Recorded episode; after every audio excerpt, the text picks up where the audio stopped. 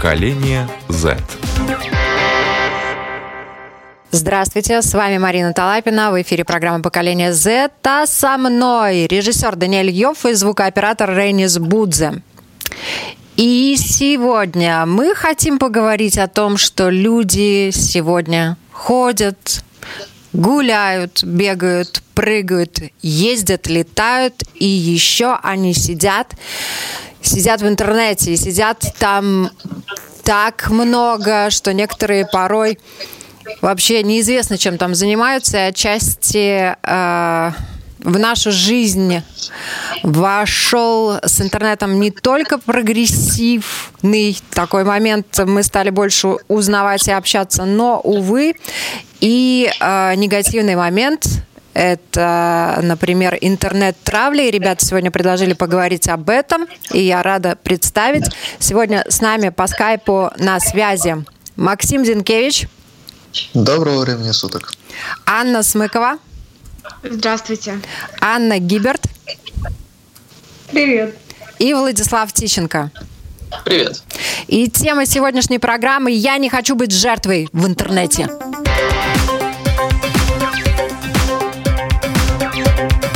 Поколение Z. Итак, кибербуллинг, троллинг, мобинг. Еще недавно никто не знал этих слов, а сегодня увы, травля в интернете стала предметом беспокойства. Вот, ребята, вы в интернете, наверное, живете. Это действительно повод для беспокойства, на ваш взгляд?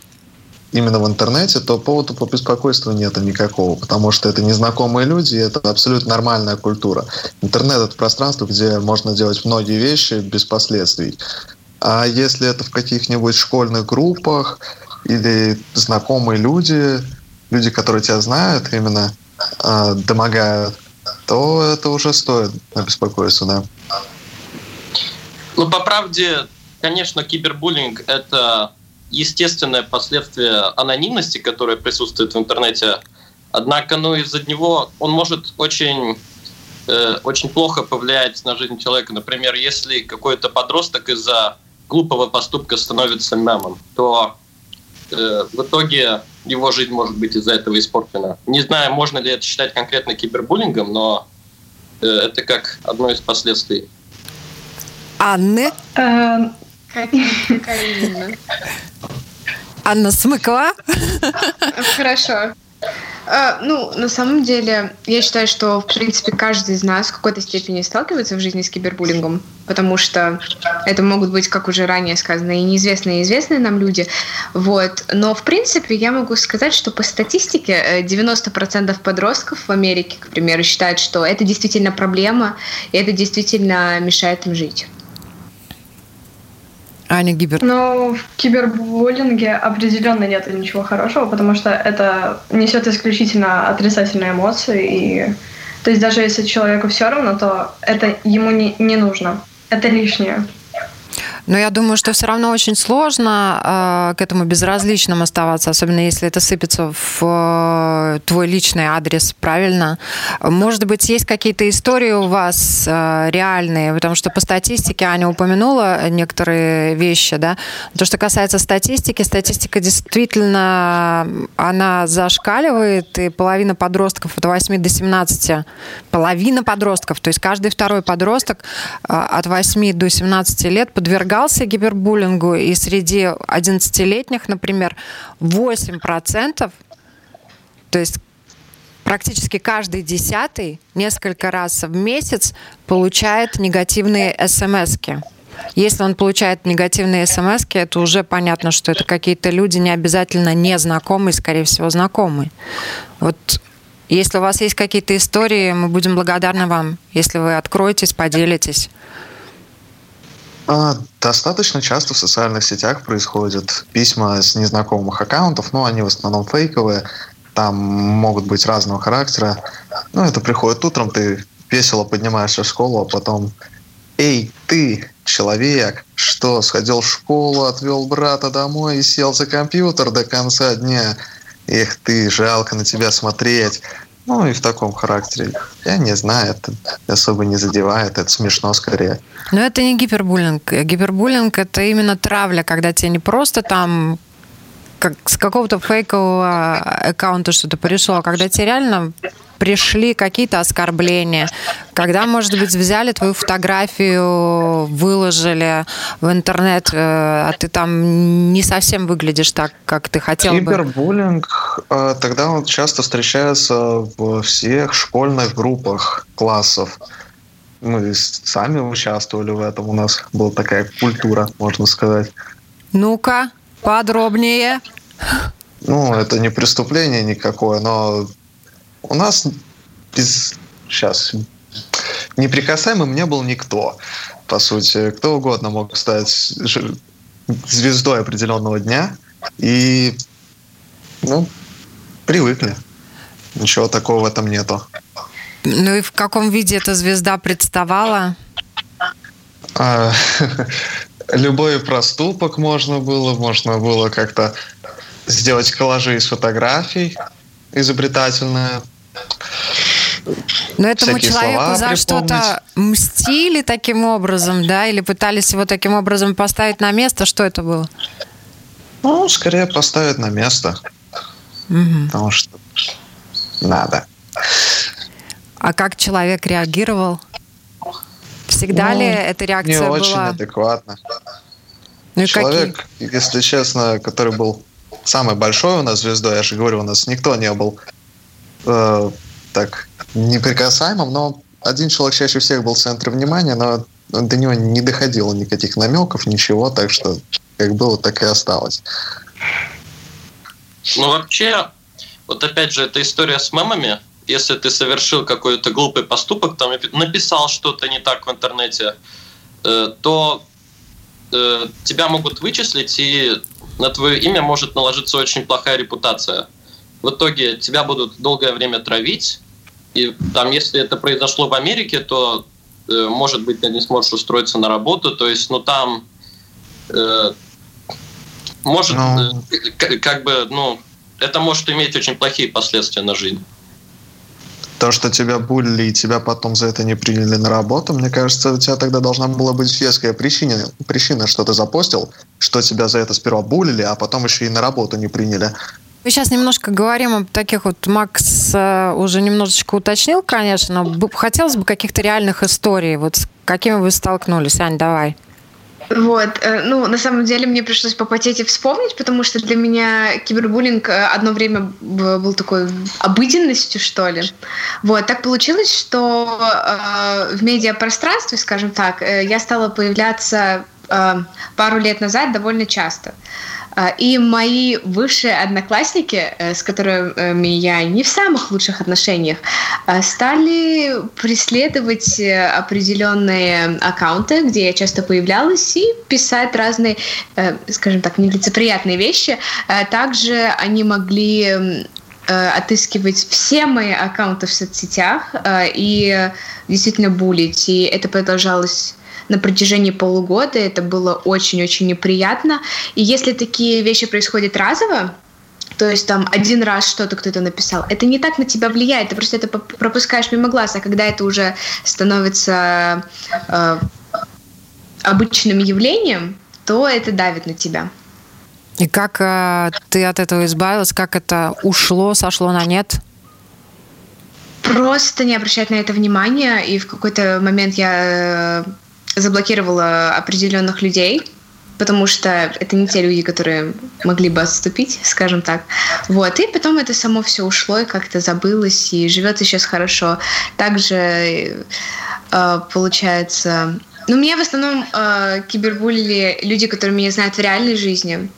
Конечно, были люди, э, которые просто могли что-то написать не совсем приятно в мой адрес, но я говорю, это были такие разовые вещи, на которые э, обычный среднестатистический пользователь социальных сетей уже просто не обращает внимания. Вот. Ну, как-то так. Вот это моя история. Ань. Мне кажется, что чем более публичная личность, э, тем больше она подвергается как раз-таки кибербуллингу. Но самым ярким примером являются там различные актеры или просто, например, ютуберы. То есть они получают комментарии за то, что они делают. А, но также бывает, что просто в комментариях тебе, на тебя ни за что э, кидаются. Просто ты написал красиво, тебе говорят некрасиво, и ты тупой. То есть, ну, сразу на тебя нападают. А, и по факту тут действительно, ну, только один способ проигнорировать, потому что, ну, в интернете никто не заметит, прочитал ты, не прочитал, то есть а, а, ты не сможешь заинтересовать того, кто хотел с тобой поиграть. Но у меня было такое, что какое-то время, я не уверена, повторится ли это сейчас, но мне раз в год приходят сообщения от непонятного человека в социальной сети. Просто вот, ты дебилка, ты тупая. Я, я, я смотрю, э, мне как бы смешно, да? Но, допустим, если у человека что-то, ну, какой-то плохой период жизни, то, в принципе, это может добить и то есть эмоционально сказаться. Потому что если ты сидишь, думаешь, какой я ужасный, тебе еще и это приходит, а, человек может это воспринять как какой-то знак. А это приходит от незнакомого человека с левого аккаунта, да? Да. То есть кто-то там напрягся, скорее всего, тот, кто тебя знает, создал левый аккаунт и написал тебе гадость. Скажу честно, я не думаю, что это фейковый аккаунт. Я думаю, что просто, ну, Просто неадеква- человек. неадекватный человек. Да, именно. Да, но есть э, такая отдельная категория кибербуллинга, когда скидывают какие-то фотографии или видео, ну, личного характера. И вот это действительно задевает людей. Вот в школе у нас такое бывало и не раз. Э, бывает даже кто-то там монтирует какие-то определенные видео, добавляя того, чего не было вообще на самом деле. А, и были такие случаи, что люди просто из-за травли, ну, из-за того, что над ними насмехались, а, даже если это не было злобно. Потому что, ну, действительно, может такое рассмешить кого-то, и кто-то не подумает и посмеется, а человеку неприятно, а человеку больно. А, и вот люди просто уходили из школы, обрывая все контакты. Ну, у нас таких видео никто не уходил из школы, там на время всех блокировали или из группы удалялись просто. Ну, дальше проходило. А у нас было такое. Ну, это практически мемы на э, младших масштабах. Так. Я хотела зачитать статистику, которую я приготовила. Давай. 15% э, юных жертв кибербуллинга предпочитают держать это в секрете. 80%, э, подростков, 80% подростков считают, что люди занимаются кибербуллингом, потому что это просто весело. 37% жертв кибербуллинга страдают от социальной тревожности. Более 59% подростка, процентов подростков США подвергаются издевательствам и преследованиям в интернете, иными словами, кибербуллингу. И один из пяти случаев обычного буллинга является кибербуллингом. И на самом деле ребята уже упомянули э, виды кибербуллинга, подвиды, я не знаю, как это назвать, честно говоря. 42% э, составляют э, простые оскорбления под, по типу, как у ситуации у Ани, да, то есть ты такая, ты сякая. Потом 32% распространения ложных слухов, 25% это получение откровенных изображений, которые они не просили, то есть чаще всего эротического характера. А, потом 21% это расспросы о личной жизни человека, то есть о семье и так далее. 16% это физические угрозы, то есть расправа, и 7% это использование откровенных изображений без согласия правообладателя, назовем это так. А также кибербуллинг способствует увеличению э, самоубийств среди подростков. 9 из 10 подростков, над которыми издевались в социальных сетях, э, сообщают, что они проигнорировали это. Еще 84% заявляют, что видели, как другие люди пытались это э, остановить. И 71% молодых людей считают, что социальные сети не делают достаточно, чтобы остановить кибербуллинг или хотя бы снизить его процентность. Вот вообще и э, те цифры, которые Аня нам зачитала, и судя по вашим рассказам, я так понимаю, что это уже плотно вошло э, в нашу, вернее, наверное, скорее в вашу жизнь, да, и в жизнь э, других детей, подростков это будет входить. Вопрос, как от этого защищаться. Вот есть вариант крайний, это уйти, из среды, да, потому что кибербуллинг, к сожалению, не всегда сопровождается только интернет-атаками, но и атаками в реальной жизни, да, но вот э, от этого, наверное, э, к сожалению, вот э, люди находят выход, они просто переводятся, наверное, в другую школу, пытаются попасть в какую-то другую, более благоприятную, экологически эмоционально чистую среду. Вот. Но если а, этого не получается, то вот на ваш взгляд, какие есть выходы из таких ситуаций? Мне кажется, что кибербуллинг это, если мы говорим сейчас о школах, то это просто обычный буллинг, который перерастает на дом или виртуальное пространство. С ним как бы нужно делать то же самое, что и с обычным буллингом. Я, к сожалению, не эксперт. А что ты делаешь с обычным буллингом? Ну, игнорируешь или пытаешься решить как-то проблему. Чаще всего избегаешь проблем. Как бы кибербуллинг – это просто продление этой проблемы. Ну, например, с 2013 года в Новой Зеландии кибербуллинг это уже официальное нарушение закона, и то есть э, человек может попасть за это в тюрьму на два года. И понятное дело, что это не будет там касаться вот просто какого-то сообщения «ты глупый, ты такой, ты секой», а просто случай, ну, происходит ситуация, когда конкретная организация, которые, они просто психологически воздействуют на человека. И вот, допустим, они выудили какую-то информацию о семье, и они шантажируют человека, просто вымогая деньги. И, ну или, я не знаю, фотографии, или вот что им надо. Но это уже криминалы. Э, такого рода вещами занимаются и у нас полиция безопасности. А, это да, но там просто даже за более мелкие нарушения. И ну вот если это действительно влияет на личность, то это не, ну человек не сможет это просто проигнорировать, если он э, действительно задет. И в таких случаях я думаю, что человеку ну, ни в коем случае нельзя молчать, то есть это первое. А, и он должен обратиться за помощью. В первую очередь, конечно, люди обращаются там, к друзьям, к семье.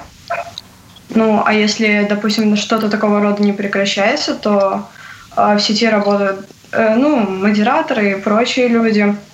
И то есть обязательно нужно ну, пожаловаться, если это не работает уже и продолжается, то это действительно уже идет ну, как криминалы, то есть обращаются люди в полицию. Владислав? Я считаю, что в, ближайшем будущем это может быть как-то устранено чисто социальными сетьми, ну, в каком-то mm-hmm. смысле, при помощи э, большего использования искусственного интеллекта, при помощи его развития. Не знаю, что тут еще добавить даже. Ну да, вот э, опять же, криминальная ответственность, она э, добавляет какой-то эффект, который, ну, который понижает это, э, эти случаи. Не знаю, мне кажется, искусственный интеллект, скорее там будет нейросеть, и сложно научить э, бота, так скажем, вычислять, что именно вы имеете в виду под буллингом. А, скорее всего, с этим должна разбираться администрация группы. В каждой школьной группе есть админ. Он видит, что происходит какой-то скандал, удаляет всех задействованных лиц. По-моему, самое правильное решение. То, что если мы ботов научим как-то определять или по какому-то признаку банить людей, то это за любое ругательство, которое было направлено вообще не в адрес существующих людей в группе, можно получить бан, и это будет не очень приятно. Все мы ну, не совсем так. На самом деле, если человек умеет определять кибербуллинг, то, скорее всего, в ближайшем времени, времени нейросеть тоже сможет. Ну, как Нет. бы они, они хорошо Это развивают. из да. разряда фантастики уже, прости, там слишком много алгоритмов нужно. Мне кажется, Нет. что э, человек должен учиться фильтровать как то, что он получает себе. Ну, вот мы ищем что-то в интернете, там же действительно много мусора и всяких не, ну, вещей, которые мы не хотим видеть, какие-то... Э, ну вот кто-то чего-то боится, да, он не станет там гуглить змей, если он боится, да. Но это как раз-таки мой случай. И вот также я не подписываюсь ни на что подобное.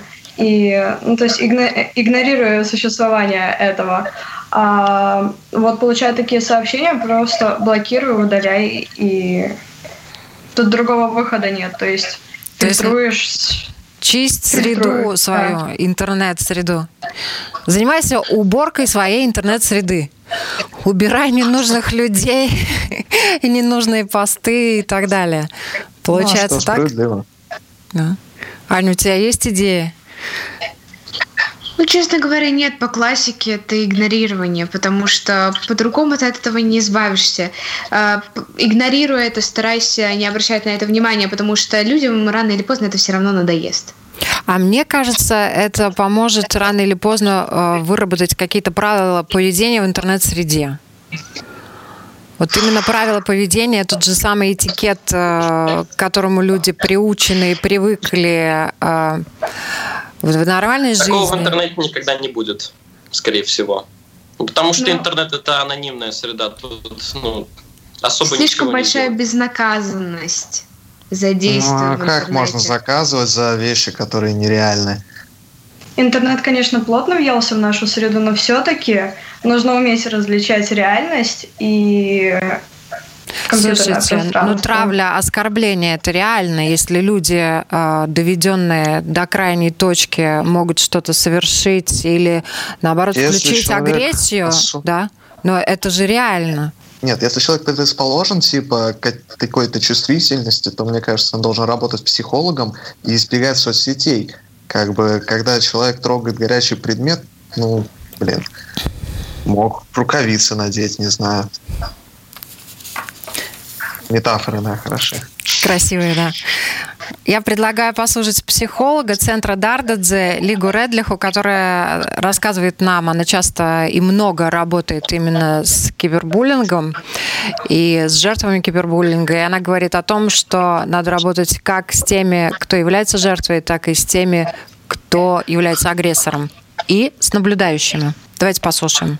Лига, э, Расскажите, пожалуйста, с какими случаями интернет-моббинга к вам обращаются? Э, к нам чаще всего обращаются те дети, подростки, скорее всего, подростки, их родители, э, когда э, дети страдают от кибермоббинга, которые уже как последствие моббинга уже в реальной среде. То есть оно начинается среди знакомых подростков, очень часто среди одноклассников – и тогда оно продолжается в этой ну, в соцсетях, в интернете. И еще это одна группа детей, которые в реальной среде страдают, и потом в, в интернет-среде. И вторая группа – это те подростки, которые сначала пострадали от секстинга, то есть от отправления или картинки, или видео, где они были обнаженными. И потом тогда следует э, и мобинг в реальной среде, и этот кибермобинг, когда есть э, одна, э, одноклассники, сверстники, одношкольники, знакомые, которые тогда продолжают в таком виде преследовать жертв, который пострадал уже от одного вида насилия, тогда продолжается этот кибермобинг. Портрет ребят, детей, которые чаще всего страдают от такого рода травли, нету на самом деле одного такого определенного типа подростков, детей, которые страдают. На самом деле это могут быть и очень умные дети, и дети, у которых есть трудности, трудности в обучении, и есть дети, которые из э, очень материально обеспеченных семьях, и которых эта материальная ситуация настолько хороша. Э, одна вещь, которая объединяет всех детей и подростков, которые страдают от моббинга, это есть заниженная самооценка. И чаще всего это дети, которых есть мало друзей, которых, э, ну, можно сказать, что у них нету Э, таких э, социальных навыков, которые должны были бы быть в их возрасте. Это две вещи, которые объединяют. Но на самом деле любой ребенок может пострадать, от мобинга, и, и то же самое в интернет-среде. И то же самое, что Мобинг, он включает эти три части. То есть один, который э, жертва, второй, который насильник или который э, проявляет эту форму насилия, и другие — это наблюдатели. И то же самое происходит в интернет-среде, и любая роль может меняться. То есть э, тот, кого обидели, он может через какое-то время обижать других детей и в интернете, и, и в реальной среде. То есть это проблема, которую надо рассматривать со всех сторон, потому что проблемы есть и у тех детей, которых обижают у жертв, и у тех детей, которые это нашли как форму, как проводить свое время, обижая других и причиняя боль другим детям. Ну, вы очень важный момент задели, и получается, что надо помогать и тем другим, правильно? И тем и другим. И то же самое, что важно, эта тема для всех, которые наблюдают. Потому что у любого, кто находится в среде, где происходит кибермобинг и мобинг сам по себе, э, у всех есть э, тревога. То есть тех подростков, которых обижают, потому что их обижают, и те, которые наблюдают, они могут э, не э, вовлекать в этих ситуациях, то есть они не, не начинают участвовать, потому что они боятся, что вдруг я попаду следующим, которым, э, которого будет обижать. То есть э, там есть страх, тревога, и эмоциональные проблемы, и проблемы с самооценкой есть у всех сторон, которые в этом вовлечены, которые не находят какой-то выход сами своими силами. А всегда ли ребята вообще рассказывают и обращаются за помощью в таких ситуациях, когда они оказались э, жертвами травли в интернете или не в интернете? На самом деле дети сами э, не всегда обращаются. Чаще всего это есть или друзья, которые замечают какие-то вещи, которые уже не хороши, то есть э, э, начинается какая-то самоизоляция или подавленное настроение, или родители могут заметить, что ребенок, э, например, если это происходит в интернете, тогда прочитал какое-то сообщение или взял телефон и сразу поменялось настроение. Или ребенок уже начинает избегать из контактов, например, с предыдущими друзьями или одноклассниками. То есть э, сами дети не всегда обращаются. Сейчас есть одна очень хорошая инициатива э, «Не молчи ЛВ», то есть «Некуса ЛВ», и у них есть проект именно насчет мобинга, где они проводят тоже анкетирование детей, и они обещают, что в мае уже будут результаты, где дети тогда будут э, рассказывать про, про про тех средах, где они чувствуют себя безопасно, где они пострадали от мобинга. Там тоже есть очень хорошая информация и для детей, и для педагогов, и родителей, как распознать, что ребенок страдает от мобинга, и как самому просить помощи, как самому искать помощь, если это происходит. Потому что э, это очень важная ну, как бы важное задание для каждого, кто видит, что мобинг происходит, то есть начинать реагировать и разговаривать об этом со взрослым, кому я доверяю, или с учителем, или родителем, или, или с друзьями, потому что любой из этих детей, подростков, он тоже может информировать э, взрослых насчет этой проблемы. Вы с этой проблемой работаете, Лига, и хочется очень спросить, насколько, на ваш взгляд, она масштабна и тенденции вообще к тому, эм, какие на сегодняшний день тенденции? Эта проблема разрастается, увеличивается, или все-таки она как-то уже входит в какую-то колею, и люди начинают э, эту проблему контролировать? К сожалению, я не могла бы сказать, что это уменьшается. Вторая сторона, может быть, просто люди более откровенно об этом разговаривают, но время от времени мы все равно слышим о таких довольно серьезных случаях мобинга, когда дети страдали.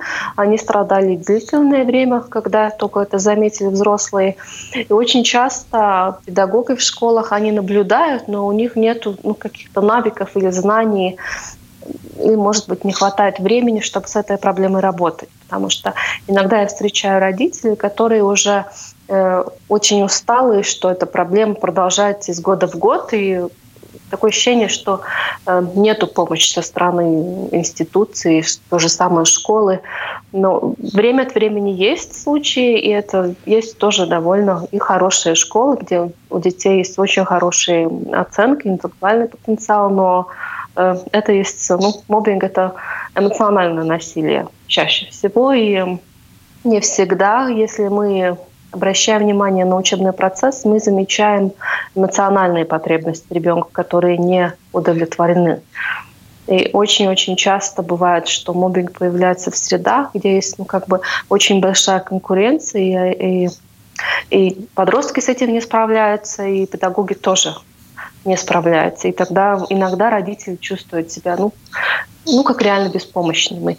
И что касается кибермобинга, он но он намного страшнее реального мобинга, потому что из этого невозможно избегать.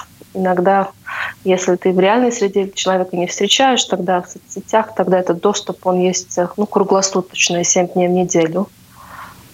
Это разрастает проблема.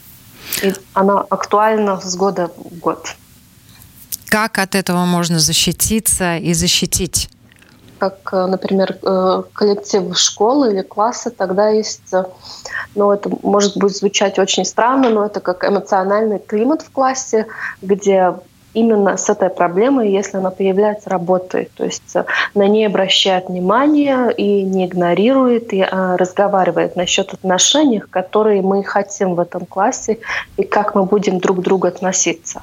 И в этой работе, если это проблема именно в классах, и очень часто мы когда-то заработали с классными коллективами, э, тогда важно, чтобы и все педагоги э, ну, признали, что эта проблема существует, и родители тоже. Иногда, чаще всего мы сталкиваемся с родителями, у которых есть немножко э, разные другие взгляды, и есть очень много митов и таких э, неправильных утверждений. Например, очень часто взрослые говорят, ну, у всех там были проблемы, кого же не обижали, но э, Э, мобинг это не, не просто один случай, когда кого-то обидели, это, это э, очень длительный период, когда ребенка обижают, и это ну, продолжается постоянно.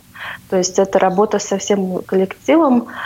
Э, что может делать сам родитель, ребенок? Это все те вещи, которые помогают чувствовать себе более уверенным в себе. То есть самооценка – это одно из самых э, важных вещей, которые ну, как бы оберегает ребенка и, и взрослого человека, что я не буду давать себе обижать. И если это будет происходить, я буду просить о помощи. Это тоже еще одна очень важная вещь, которая, э, которой надо учить маленьким детям и подросткам, что с любой проблемой мы можем обратиться к родителям, и если родители не смогут помочь, тогда это будет педагог или психолог или какой-то еще другой специалист. Ну, то есть самое главное э, не допускать, что это продолжается длительное время, потому что это оставляет очень плохих последствий в эмоциональном плане. И то же самое, что у детей начинают падать оценки, и жизнерадостность э, э, уменьшается. И они теряют как бы надежду и веру в людях тоже, что не помогает тогда в реабилитации, чтобы справиться с этими негативными последствиями. Э, если можно, э, буквально пару слов о позитивных э, моментах и выходе, о позитивном выходе из такой ситуации, о реабилитации. Но насколько долго она длится и как человека можно вывести из этого состояния после того, как он пострадал от кибермобинга?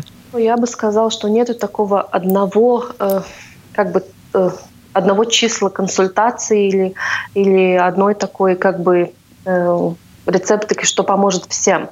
Но самое главное, что ребенок э, должен понять, что то, что произошло с ним, это было неправильно, понять какие-то возможные ситуации, в которых он, он был, то есть какая была роль э, всех окружающих и что он может делать в следующей ситуации по-другому. То есть э, это может быть, ну, как в работе, это если есть э, тревога или подавленность, тогда необходимо уменьшить эту проблему и понять, как ребенок сам справляется с тревогой и может улучшить свое эмоциональное состояние. И то же самое искать ну, как внутренних ресурсов. Но иногда это может длиться несколько месяцев, психологическая помощь. Но важно не только психологическая помощь, но и чтобы мобинг прекратился и не повторялся, и чтобы была поддержка со стороны близких людей. То есть родителей, которые, несмотря на ту причину, как это началось, например, если там был этот материал секстинга сперва, тогда поддерживать ребенка и говорить, что я всегда готов выслушать, если ты не готов со мной разговаривать, тогда мы просто можем побыть вместе, и мы найдем человека, с кем ты можешь э, поделиться о том, как ты себя чувствуешь. И от, от мобинга это, это тоже один из видов насилия.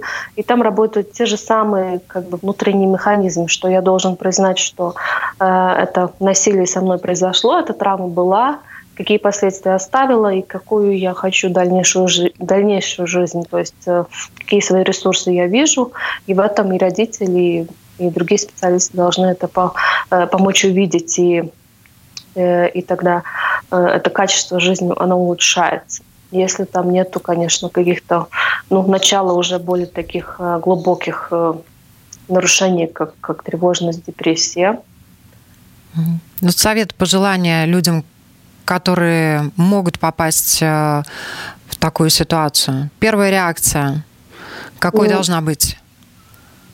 Э, первая реакция – это поверить, что это происходит, и поддерживать э, ребенка и сказать, что мы с этим справимся. Вот подростку, и... не, не родителям сейчас, а именно подросткам, да? Подросткам, что это проблема, с которой сталкивается очень-очень много детей, и очень даже сейчас и знакомых людей, и, и и популярных людей, они с этим сталкивались, они с этим справились. И ты тоже справишься, но важно, чтобы ты э, говорил, что ты э, от этого пострадал и что ты не хочешь страдать. И тогда мы вместе уже учимся, что, что делать и как. Спасибо. Любую проблему мы можем решить. Спасибо большое.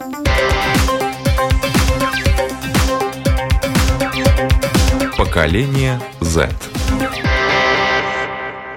У меня к вам вопрос. А, вот исследования показывают, что травля часто приводит детей и подростков к депрессии и другим расстройствам. У них снижается самооценка. Анечка об этом уже говорила, да? И, к сожалению, они чаще думают об очень тяжелых вещах. Я даже не буду произносить это слово. И у меня к вам вопрос. А что вы делаете, когда вы видите, что кто-то стал жертвой? Кибербуллинга, травли? Говорим как в глобальной среде интернета или более локальных сетях, типа тех же школьных групп? В любой, в глобальной и в локальной. Глобальный я ничего не делаю. Мне кажется, в большинстве случаев это троллинг просто. Это ничего сильно агрессивного или ну, задевающего человека, это просто провокация на какую-то реакцию, чтобы все остальные продолжали смотреть на эту ситуацию и смеяться над процессом. А в школьных группах... Ух, есть вариантов много. Пожаловаться учителю, поговорить с этим человеком напрямую. Но если, если ты действительно считаешь, что ты можешь вплестись за этого человека и что ты хочешь за него вплестись, ну то ну, делай. Как бы все в твоих руках. Вариантов, как разобраться с э, травлей, ну, есть немало. Может, они не все эффективны, но, но они есть. И что-то предпринять точно можно. А ты впрягался за кого-нибудь? Я лично с такой ситуацией особо не встречался. Ну, я думаю, что впрягся бы, если бы меня действительно затронуло как-то, если бы это заходило уже за какую-то черту. Например, вот если я вижу, что это человек э, с депрессией, что он может э, совершить в итоге из-за этого, ну, что это может его подтолкнуть к каким-то каким-то неплохим точнее, нехорошим решением, ну, то ну, просто видеть это, видеть, что он потом принял эти решения и ничего не сделать, понимать, что ты ничего не сделал, это будет болезненно. Это будет э, частично на твоей совести. Я обычно сверяюсь со своим моральным кодексом, а, так сказать, кодекс чести в интернете. А если речь заходит про высмеивание какой-то глупости, которую совершил человек, я считаю, что он в какой-то степени заслуживает последствий за такую глупость, то, что будет смеяться, ну, день-два. А если дело заходит, что уже начинает там к семье что-то привлекать, то я стараюсь типа, прекратить уже дискуссию, что это заходит за рамки то, что сделал человек, то, что зависело от него, и посторонние факторы в его окружении. Ты являешься инициатором прекращения дискуссии, да? Просишь об этом? Или просто закрываешь я и не продолжаешь? Я пишу администратору, а вообще у меня у самого есть админка в группе, я баню.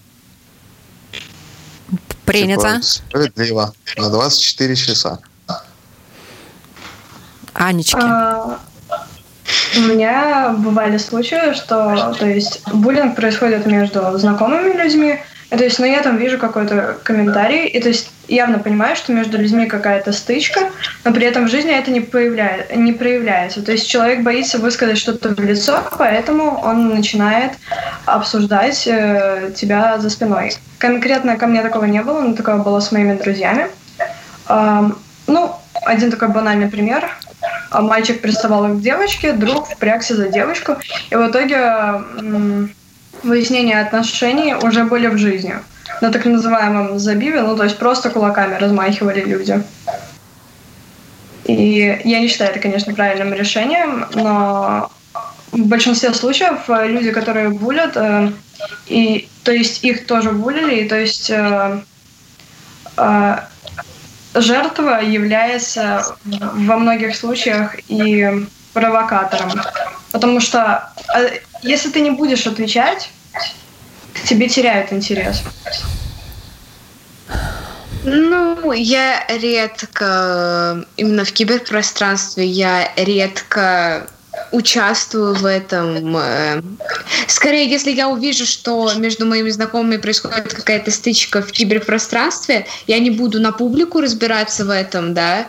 Э, я скорее напишу каждому из них по отдельности, попытаюсь понять, что происходит вообще скажем так. Потому что выставлять это все на показ я, честно говоря, не люблю.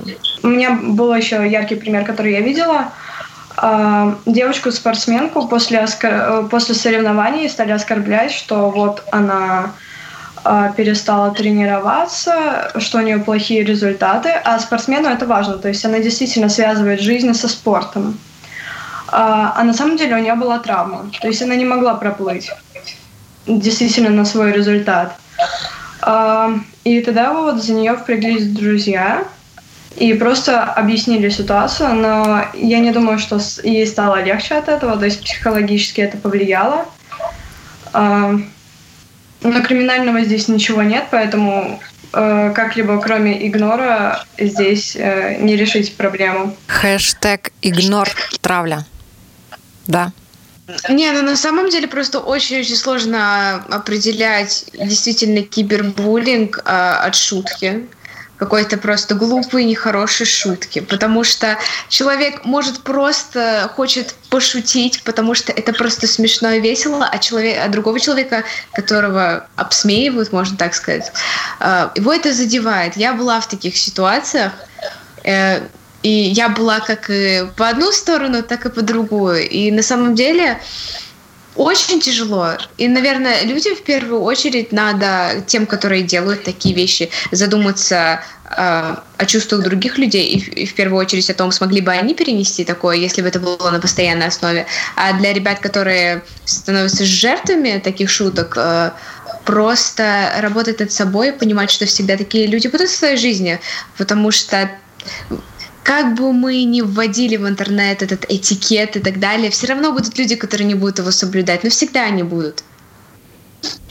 Ну, на самом деле, эти, два, э, эти две вещи, кибербуллинг и просто какую-то шутку в интернете, их тяжело отличить, потому что это ну, одно и то же. Э, ну, просто это различается на психоэмоциональном уровне. Просто кто-то устойчивее, кто-то нет. Ну, кто-то вот воспринял это поэтому... как шутку, не обратил внимания, например, а кто-то да. воспринял это как злую шутку и оскорбление. Это понятно. Но если это такая травля, как, как, которая продолжается достаточно долго, то это травля, да, и она может действительно привести к последствиям. Вот как, Макс, Владислав, вы остановите кибербуллинг? Каким словом? Призывом? Обижаешь, в лицо получаешь. Макс, Буллинг словами не остановить. Типа, это просто этап, это период, он сам пройдет. Хэштег «Не трави душу» ни в реале, ни в интернете. Всем спасибо. Любви и гармонии. Живите дружно, мирно и никого не травите, уважаемые зрители и радиослушатели. Спасибо большое.